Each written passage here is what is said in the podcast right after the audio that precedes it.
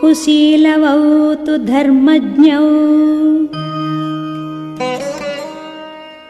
राजपुत्रौ यशस्विनौ भ्रातरौ स्वरसम्पन्नौ। ददर्शाश्रमवासिनौ।